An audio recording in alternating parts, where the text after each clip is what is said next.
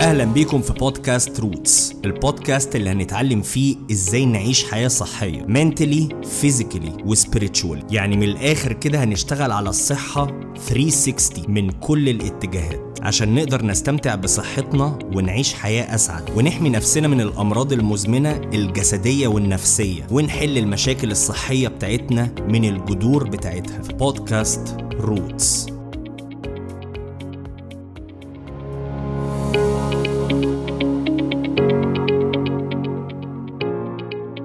أهلا بيكم في حلقة جديدة من بودكاست Roots معاكم your host دكتور خالد ديوان وأنا board certified functional medicine practitioner طبعا قبل ما أبتدي يعني آه عايز آه آه يعني definitely أ share معاكم قد إيه this time is is is very hard علينا كلنا. uh, very intense. um, ويا ربنا يصبرنا يا رب ويقوينا ويقوي إخواتنا في فلسطين يا رب وي...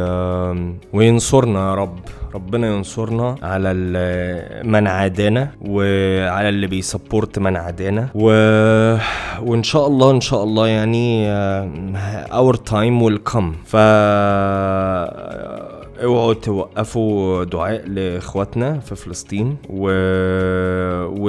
ويعني ربنا ينصرنا. ده اللي أقدر أقوله وي... ويثبتنا يا رب في في وقت زي ده. أنا طبعا فأنا كان كان صعب عليا جدا إن أنا أرجع البودكاست to be honest في وقت very emotionally pressurizing عليا وعلى الناس. بس for some reason أنا قلت you know what يعني just just do it. Uh, let's get back to it. Maybe maybe maybe it can be helpful ان الناس ستيل تقدر تهتم بصحتها تقدر يعني إيه تمسك نفسها في فترة زي دي. إحنا مش عارفين نعمل أي حاجة غير إن إحنا نقاطع. يعني كل واحد بيعمل اللي يقدر عليه اللي يقاطع اللي ي share اللي donate اللي يتعاطف اللي يدعي. يعني we're all doing our best.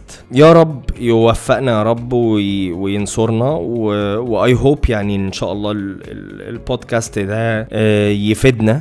ويفيدكم في في phase زي دي وفي حياتكم وي وي support your mental وال physical health during such tough time. النهارده هنتكلم على topic بيقابل 20% من بني آدمين بتعاني منه وبي affect البنات والستات ضعف الرجالة. ويقدر ي affect ال quality of life بتاعت الشخص بطريقة غير طبيعية. 50% تقريبا من اللي بيعانوا منه أو 45% يعني to be exact عندهم anxiety أو depression طبعا مبقاش عارف البيضة ولا فرخة الناس اللي بتعاني منه هي هو اللي بيجيب لها ال anxiety وال depression ولا العكس؟ بس غالبا الاتنين بيسمعوا في بعض. وبطلنا النهارده اللي هنتكلم عليه هو القولون العصبي.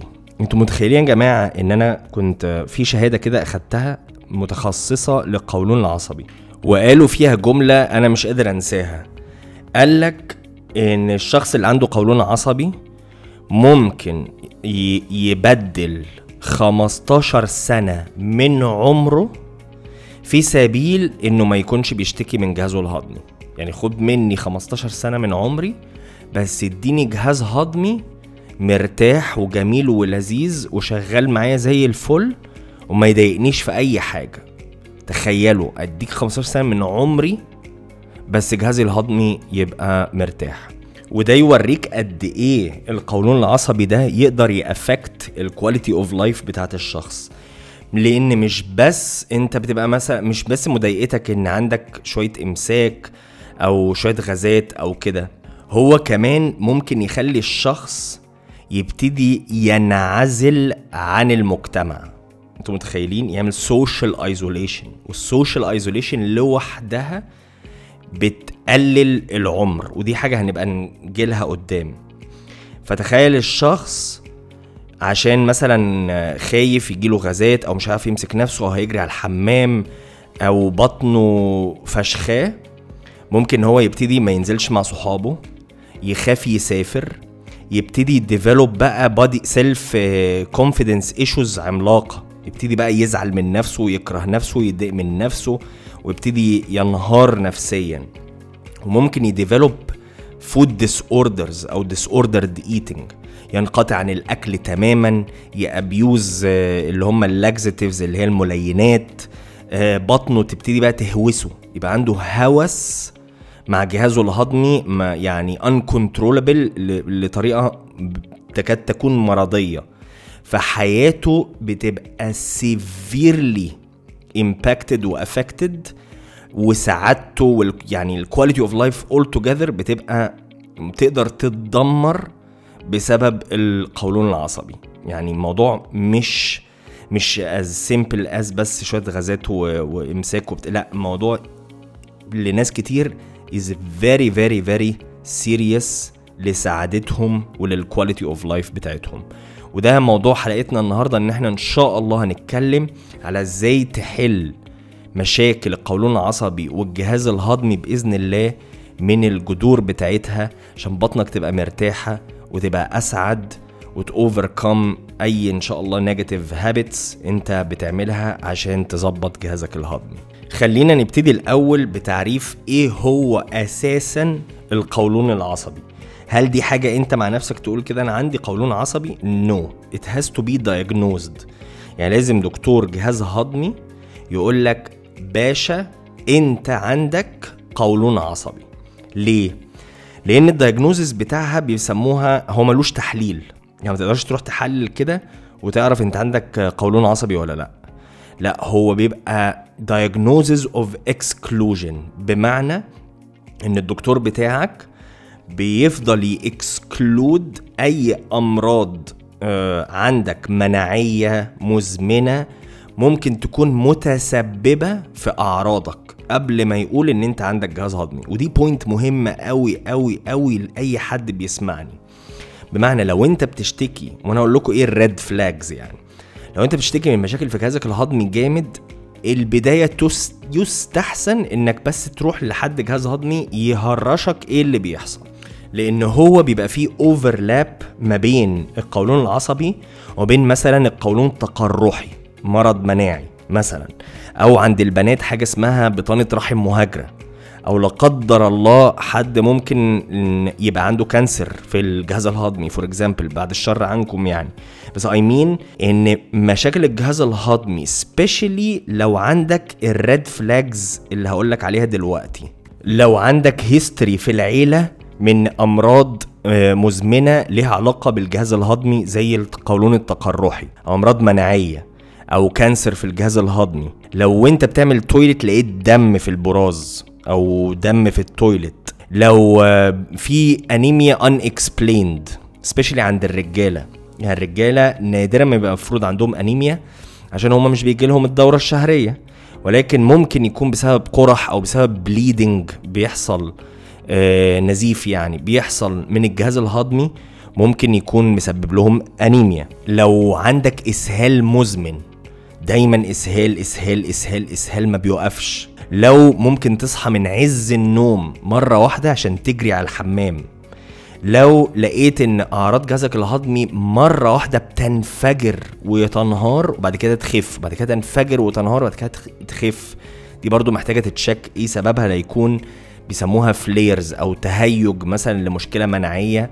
إحنا مش عارفين آه، جدرها إيه. أو إن أنت بتخس بطريقة مبالغ فيها من غير ما تغير من غير ما تكون بتحاول تخس.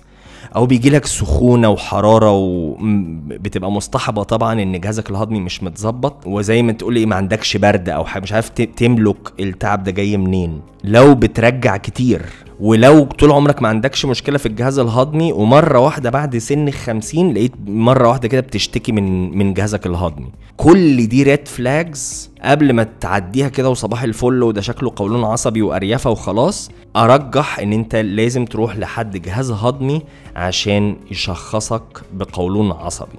القولون العصبي ذات نفسه كتعريف أو كتشخيص المفروض إن هو ودي معلومة ممكن ما تهمكوش قوي يعني بس هو بيتشخص على أساس حاجة اسمها Rome IV criteria.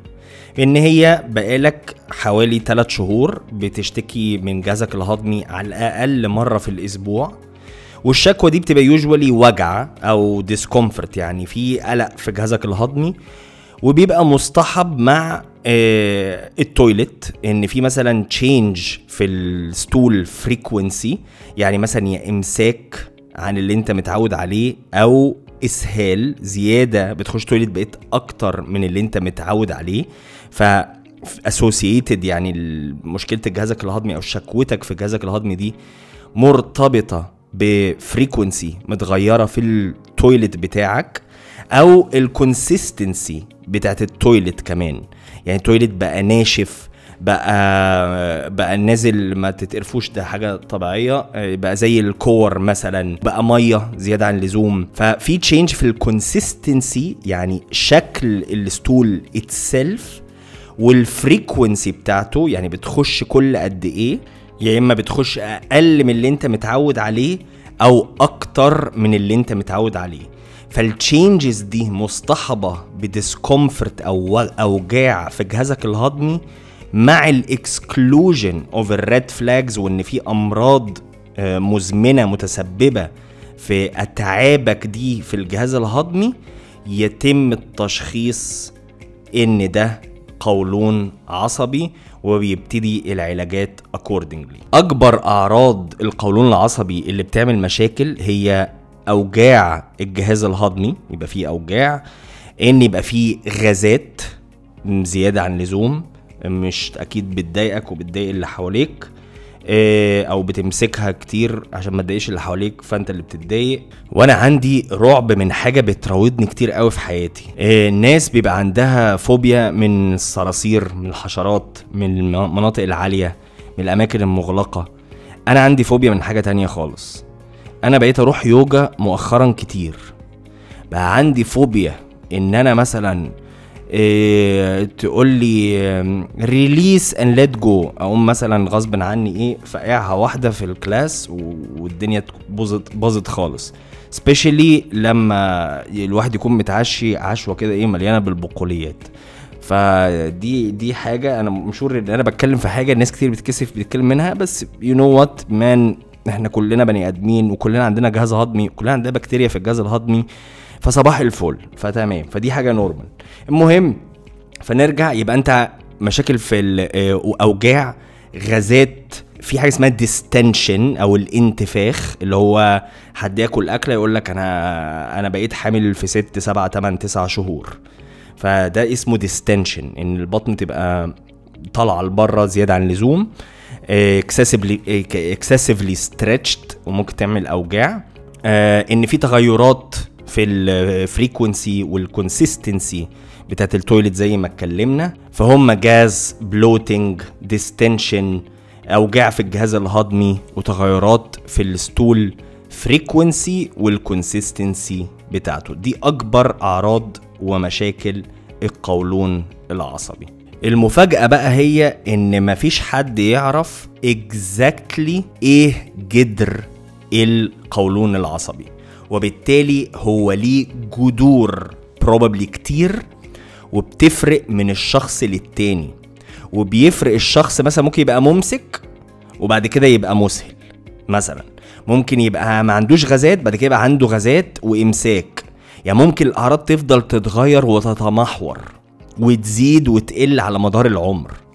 في أسباب العلمية المقترحة دلوقتي إن ممكن يكون السبب الرئيسي إن في حاجة اسمها gut brain axis يعني ارتباط الجهاز الهضمي بالمخ ممكن يكون فيه مشكلة يعني زي ال anxiety أو ال stress أو كده بيأثر على الجهاز الهضمي فبيعمل مشاكل أو العكس. إن الجهاز الهضمي فيه مشاكل وبالتالي بيأثر برضه بيعمل مشاكل نفسية. فهو it's two way stream في برضو إن ممكن تكون في حاجة اسمها الجهاز الهضمي يبقى حساس زيادة عن اللزوم. بيسموها hyper sensitivity يعني ممكن يكون الجهاز الهضمي بتاع الشخص حساس بزيادة فبالتالي بي react بطريقة أسرع للأكل وبيحصل له مشاكل. في ناس بيبقى عندها مشكلة في حركة الجهاز الهضمي itself بيسموها altered motility. يعني ال motility دي اللي هي حركة الجهاز الهضمي يكون فيها مشاكل إذا كانت سريعة آه، بطيئة ضعيفة وهكذا.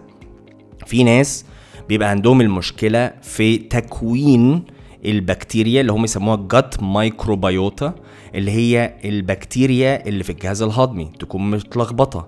في ناس ممكن يبقى عندها infections يعني عدوى. لو أنتوا سمعتوا عنها حاجة اسمها SIBO small intestine bacterial overgrowth إن بكتيريا بتبقى زايدة في الأمعاء الدقيقة.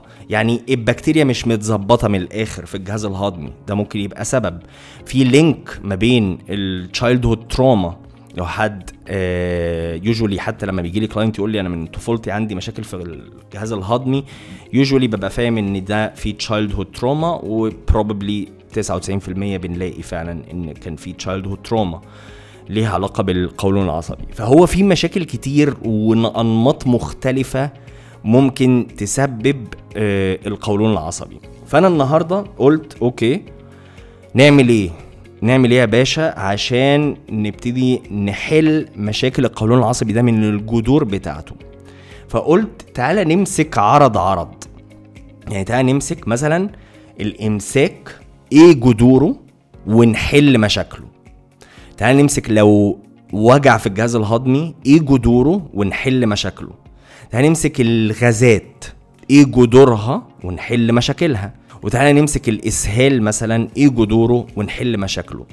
فكأننا بن explore كل ال possible root causes لمشاكل الجهاز الهضمي والقولون العصبي لأن مفيش جدر واحد للقولون العصبي كحل. بتختلف من واحد للتاني من الجذور بتاعتها من الأسباب بتاعتها. فعشان كده اتسمس فلقيت إن الأحسن نمسك عرض عرض ونحله من جذوره وبالتالي الاوتكم إن مشاكل القولون العصبي كصورة تبتدي تتحسن إن شاء الله بنسبة كبيرة جدا. تعالوا نمسك أول عرض وهو الإمساك. والإمساك كتعريف هو أول حاجة إن أنت بقيت تخش ال toilet أقل من اللي أنت متعود عليه to start with أول حاجة. أو إن أنت بتخش toilet أقل من ثلاث مرات في الأسبوع. مع إن ثلاث مرات في الأسبوع ده أنا كخالد بشوفه كإمساك. يعني I think it's fair to say إنك مفروض تخش ال toilet يوميا وتحس إن أنت فضيت تماما. مرة أو مرتين في اليوم كمان. إيه الإمساك برضو إن أنت زي ما أنا قلت إنك تحس إنك ما فضتش يعني دخلت ال toilet وعملت toilet بس أنت بطنك ما فضيتش ما ما, ما طلعتش ما ظبطتش. فاهمين قصدي؟ ده برضو يعتبر نوع من أنواع الإمساك. أو إن أنت تحس إنك بتحزق بزيادة. عمال تتك وتحزق وممكن تستخدم other options يعني في ناس بيستخدم مثلا laxatives اللي هي الملينات أو الناس تستخدم enemas مثلا عشان إن هي أو مية عشان إن هي تعرف تسلك الدنيا وتعرف تخش ال toilet إن ال toilet so hard ناشف بزيادة معسفك وإنت بت بتعمل التويلت كل دي صور من صور الإمساك. يعني مش الإمساك بس إنك مش بتخش لأ ده ممكن تخش وبتكون متعسف والدنيا صعبة و... والستول ناشف وما فضتش تماما ده يعتبر نوع من أنواع الإمساك برضه. تعالوا نمسك مع بعض جذور وحل مشاكل الإمساك كعرض من أعراض القولون العصبي. أول حاجة أو أول مشكلة ممكن تسبب إن شخص يجيله إمساك هو خمول في الغدة الدرقية. لو أنت بتعاني من زيادة في الوزن مش عارف جاية منين يعني ما غيرتش كتير قوي في أكلك. وإرهاق جامد جدا مش عارف جاي منين. شعرك بيقع بتبرد بسهولة في ديبريشن حد من أهلك عنده مشاكل في الغدة الدرقية.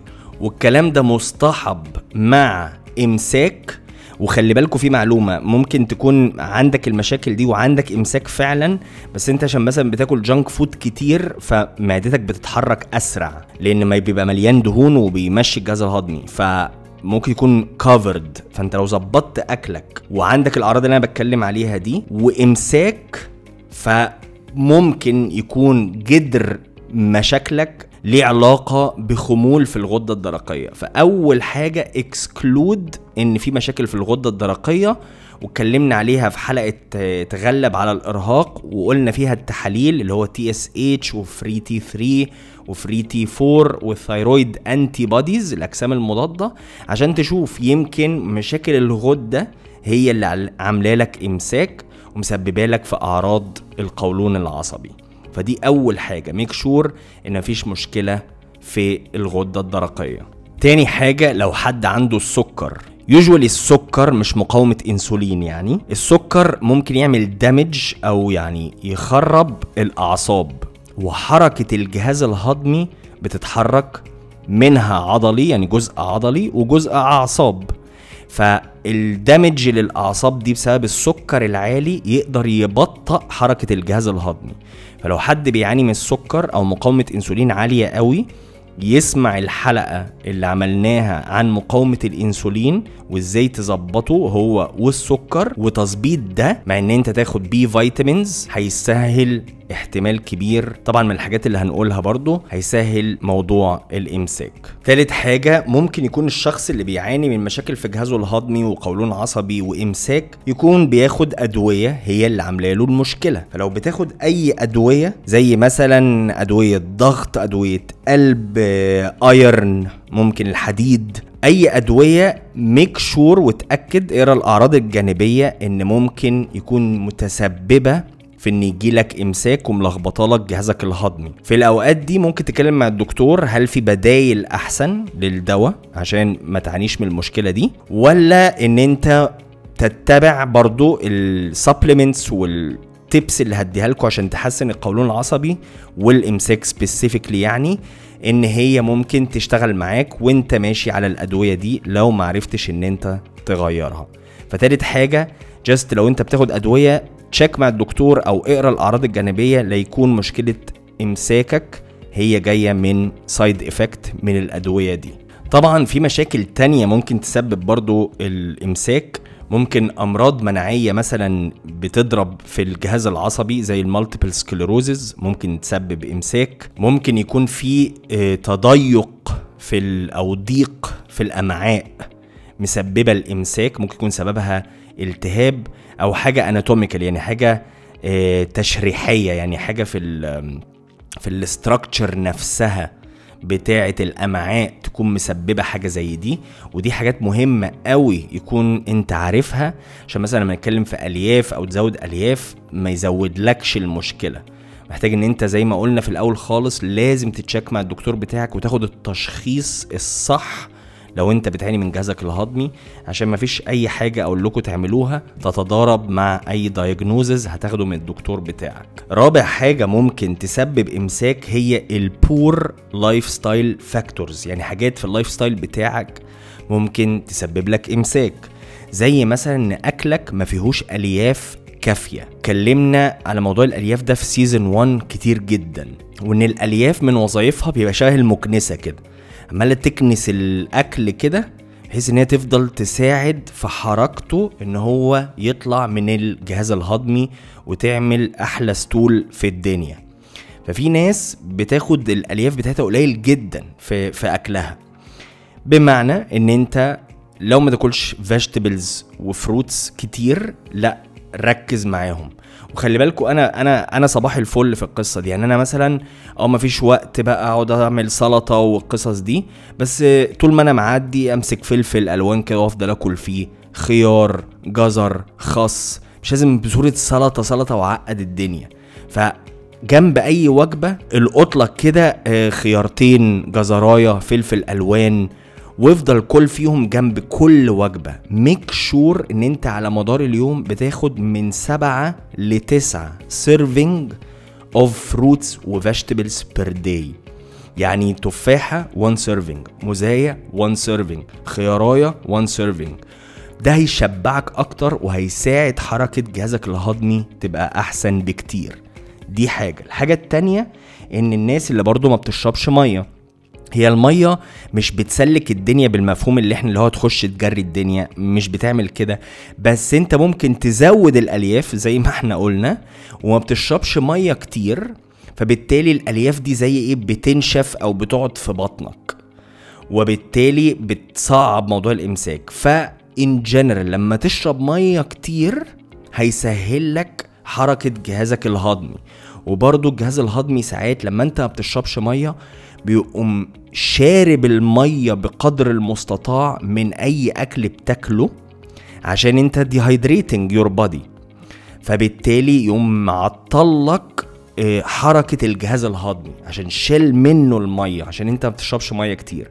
فلما تشرب مية كأنك بتدي مساحة للجهاز الهضمي إنه تمام يعدي الأكل بالمية بتاعته قشطة من غير مشاكل وبالتالي يحسن لك حركة جهازك الهضمي. ف make sure إن أنت تظبط الألياف بتاعتك في أكلك وإن أنت تشرب كمية مية محترمة حوالي 2.5 لتر مية في اليوم on average الحاجة كمان في ال lifestyle factors هي لخبطة مواعيد الأكل. عشان كده ناس كتير مثلا في رمضان تلاقي مثلا أو بتعمل صيام متقطع أو كده وبتلخبط أكلها تلاقي إن في إمساك حصل. ف generally speaking اتكلمنا برضو على موضوع تظبيط مواعيد الأكل وتظبطه إزاي في الحلقات الأولى من season 1 حاول تخلي ال eating habits وال time بتاعك more or less regular يعني كأنك بتاكل في مواعيد predictable على جسمك ومنظمة ومستمرة لأن ده ممكن يساعد لك حركة جهازك الهضمي. وحاجة كمان مرتبطة جدا جدا جدا بالإمساك هي قلة الحركة. دي شفتها في شغلي كتير جدا جدا. لما أعمل كل حاجة ممكنة عشان أظبط أعراض القولون العصبي وسبيسيفيكلي الإمساك وألاقي الشخص اللي قدامي مش بيتحسن أبص ألاقي إن هو مثلا مش بيتحرك أو مش بيتمشى أو مش بيتمرن once إن إحنا نبتدي نشتغل في الحتة دي بتلاقي جهازه الهضمي ابتدى يتحرك فعليا.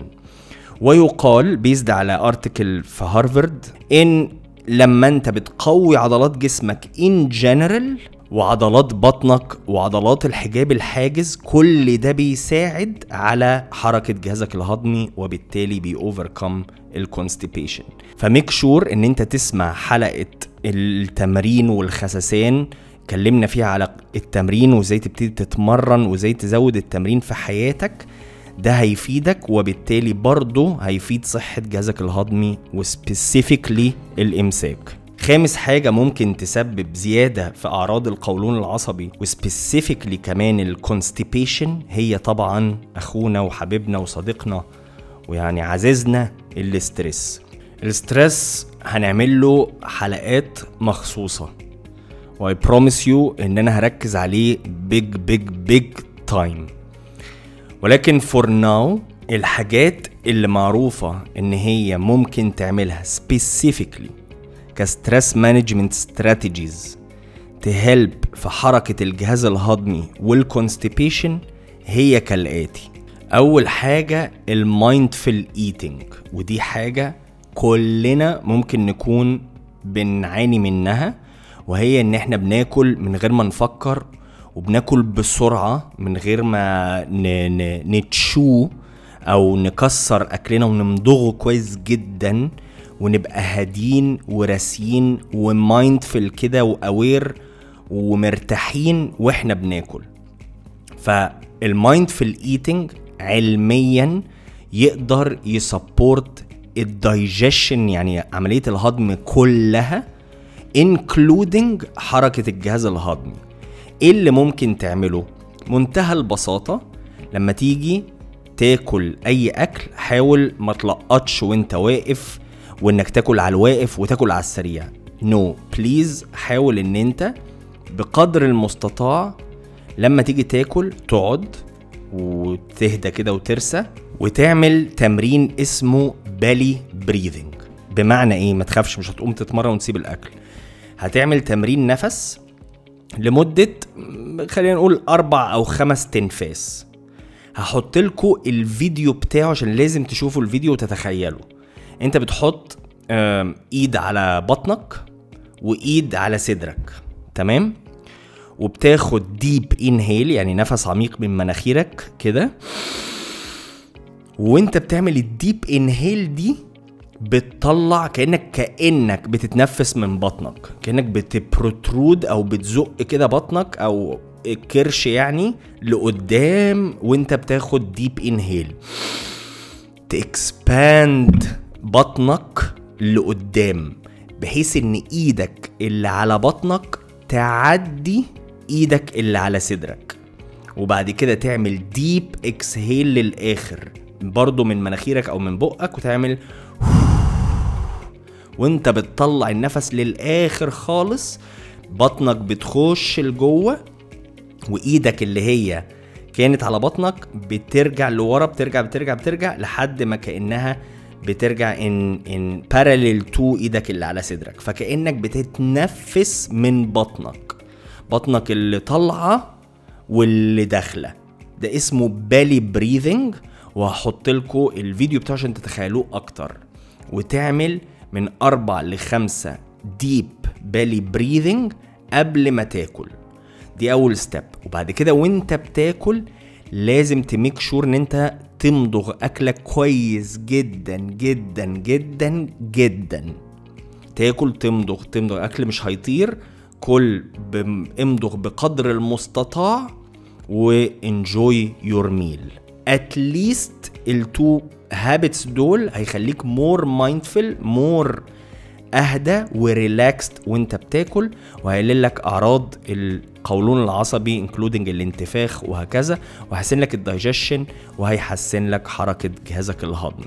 تيب كمان أنا مش عارف دي الناس هتعرف تعملها إزاي بس هي scientifically proven إن هي تحسن حركة الجهاز الهضمي وتقلل ال constipation هي إن أنت تتمشى نص ساعة بعد الأكل. دي usually ممكن تبقى أحسن للناس في علاج الإمساك عن ال prokinetic drugs اللي هي الأدوية اللي بتسرع حركة الجهاز الهضمي. ف if you can walk نص ساعة بعد الأكل هتقلل الانتفاخ وهتحسن حركة الجهاز الهضمي والإمساك لو عرفت تعمل العادة دي عن إن أنت just إيه تاكل وتأنتخ. وأخيرا إيه ال supplements اللي ممكن الواحد يستخدمها لو عمل كل ال habits اللي أنا اتكلمت عليها دي عشان يحسن حركة جهازه الهضمي و overcome ال constipation أول supplement هو ال fiber واتكلمنا عليه قبل كده. لو أنت ما بتاكلش vegetables و fruits كفاية وال fibers في أكلك قليلة إن أنت ممكن تزود ال psyllium husk وده موجود في كل حتة. وزي ما قلنا في الحلقات اللي قبل كده ال psyllium husk إن أنت تبتدي gradually يعني تبتدي بنص scoop مرتين في اليوم مع كوباية أو كوبايتين مية. لازم تتأكد زي ما اتكلمنا برضو إنك تزود المية كتير عشان ال fibers دي ما تفضلش قاعدة في بطنك وتتعبك أكتر. فلو هتزود fiber زود شرب المية معاها. فال psyllium husk ابتدي بنص scoop قبل الأكل مرتين في اليوم مع زيادة المية احتمال كبير إن هو يحسن لك حركة جهازك الهضمي وال constipation ال supplement تاني هو multivitamin ليه multivitamin مش عشان هو هيعمل حاجة specifically بس عشان جهاز الهضمي ده متكون من خلايا. والخلايا عشان تشتغل مظبوط المفروض ما يبقاش فيها نقص أي فيتامينات أو معادن. ف just make sure إنك تاخد multivitamin عشان ما يكونش مشكلة الإمساك دي ليها علاقة إن الخلايا مش واخدة اللي هي عايزاه عشان تشتغل مظبوط. تالت supplement وأنا بعز ال supplement ده قوي وهو ال magnesium citrate إن أنت تاخد من 3 ل 6 كبسولات في اليوم. يعني من serving لاتنين هو usually ال serving بتبقى 3 capsules طب من serving لاتنين المغنيسيوم citrate بيحسن قوي حركة الجهاز الهضمي. رابع supplement ممكن يبقى helpful هو ال probiotics probiotics usually ال lactobacillus و bifidobacterium usually دول أكتر two strains موجودين في ال strains دي يعني النوع يعني بتاع ال probiotics usually دول أكتر أنواع common وممكن يبقوا helpful قوي في ال constipation بس هو ممكن يعملوا bloating عند بعض الناس. والحلقة الجاية هنتكلم على ال bloating يعني. فال probiotics ممكن يبقى helpful وإنك تاخد minimum 10 billion CFU يعني اسم CFU دي اختصار كلمة culture forming units فتاخد 10 billion plus أو أكتر. يعني من 10 بليون أو أكتر مرة في اليوم من probiotics يقدر إن هو برضه ي support ال constipation وآخر بس point كنت عايز أقولها لو ال iron العادي أنت محتاج. عندك انيميا مثلا أو عندك يعني انيميا وال iron بيتعبك وبيعمل إمساك بس you have to take iron usually ال iron glycinate أحن على الجهاز الهضمي ويقدر إن هو ما يعملش constipation وأخيرا آه في دول just كام tip كده في الآخر. آه ال kiwi fruit إنك تاكل كيوي ممكن ي help with constipation القراصيا مع إنها ممكن تعمل شوية bloating آه ممكن إن هي برضو تسهل آه موضوع ال constipation وفي شاي كده اسمه senna tea ال senna دي نوع من أنواع الأعشاب وبي act as laxative أو ملين. فما يستحسن إن أنت ما تستخدمهاش أكتر من أسبوعين عشان ما تضعفش العضلات بتاعة الجهاز الهضمي. عشان كده بتلاقي الناس اللي عايشة على ملينات صعب قوي تقطعها مرة واحدة. دي حاجة صعبة جدا وما انصحش بيها. لازم يبقى الموضوع very very gradual مع إنك تزود أو تزودي الحاجات اللي أنا قلتها وأنت بتقلل ال laxatives أو الملينات in parallel عشان استخدام الملينات على ال long term بيضعف عضلات الجهاز الهضمي وبالتالي بي بيخلي إن أنت ال constipation يعني بيبقى حاجة للأسف ممكن تقلب مزمنة وحاجة خلاص يعني تتعود عليها لأنك ضعفت العضل يعني. ولكن للناس مثلا اللي عندها severe constipation مش عارفة تعمل إيه وهطنها يجي لها انهيار عصبي وحاجة جات لها فجأة يعني ممكن إن هي تستخدم ال senna tea مؤقتا عشان الدنيا تسلك تاني. ولو الموضوع طبعا اتكرر يستحسن إن هي تسأل أو تسأل حد جهاز دكتور جهاز هضمي عشان تشوف المشكلة دي ممكن يكون سببها إيه. ف I hope الحلقة دي تكون helpful طبعا أنا كان نفسي ا cover كل مشاكل القولون العصبي في حلقة واحدة بس طبعا زي ما أنتم شايفين الوقت طول فهنقسمها على حلقتين. فالحلقة الجاية بإذن الله هتكلم على بقى الانتفاخ والغازات. وعلى الإسهال وأوجاع القولون العصبي. وإن شاء الله بعد كده أنا عامل حسابي إن أنا هركز شوية في حتة المنتل هيلث تاني عشان من كتر ما هي مهمة. فدعواتكم إن البودكاست ده يستمر. ربنا كده يدينا كلنا الصحة والعافية وينصر إخواتنا في فلسطين يا رب. دعواتكم دايما تبقى شغالة ليهم. وبس كده ما تنسوش ان عندنا group روتس podcast community تقدروا تسألوا فيه الأسئلة اللي أنتوا عايزينها ونرد عليها في الحلقات الجاية إن شاء الله. وهحط لكم ال link بتاع ال group في ال caption يا رب تكونوا استفدتوا بالحلقة دي وبإذن الله أشوفكم على خير الحلقة الجاية. يلا take care